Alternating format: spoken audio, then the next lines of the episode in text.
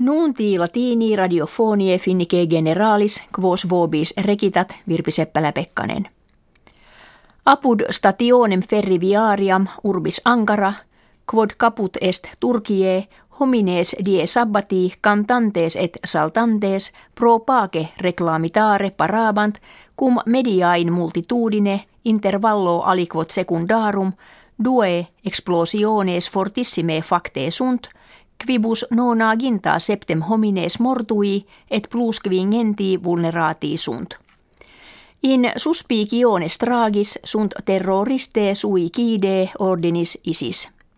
Ictus unitatem demokratiam stabilitatem kve Turkie violant ait Ahmet Davutoglu primus minister Turkorum et luctum publicum triduanum Turkis indixit.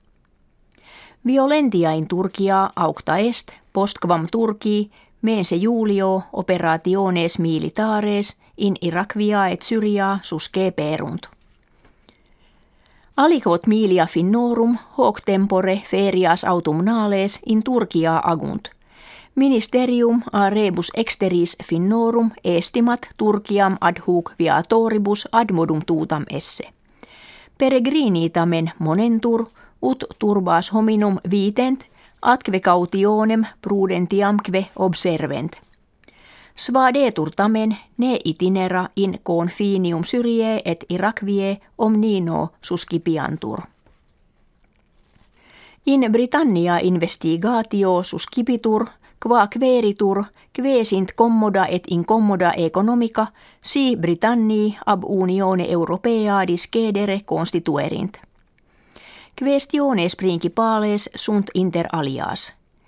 Immigratores ex unione venientes quomodo economiam Britanniae afficiant.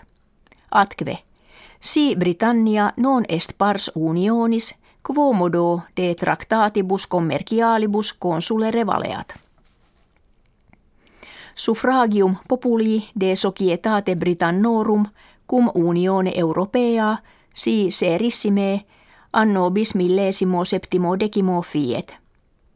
Ex demos copia nuper facta quadragintat res centesime Britannorum discessionem sustinent. Wolfgang Schäuble, minister erari publici Germanie, genset discessionem Britanniae calamitosam fame unionis europee futuram esse.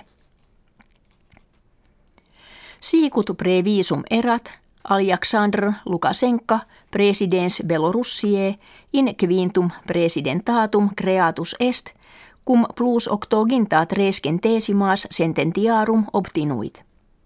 Lukashenka, qui ultimus dictator Europe appellatur, dissidentes firma manu coercere noscitur. Oppositio politica, kives hortata erat, ut comitia boikotitsent. Korea septentrionalis anniversarium septuagesimum magna pompa celebravit. Die decimo mensis octobris anno millesimo nongentesimo quadragesimo quinto, Kim Il-sung avus hodierni dictatoris Kim Jong-un factionem operariorum condidit, kve dictatoriam rem publicam moderatur. Adversariis politicis etiam proximis familiari busque jugulatis, Kim Jong-un tranquillo animo anniversarium celebrare potuit. Di media fere pars profugorum qui in svetiam veniunt asylum non petunt, sed e conspectu magistratuum abeunt.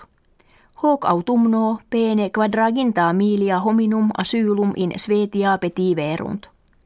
Totidem fere venisse estimantur, qui asylum non peti verunt, neque notum est ubi versentur.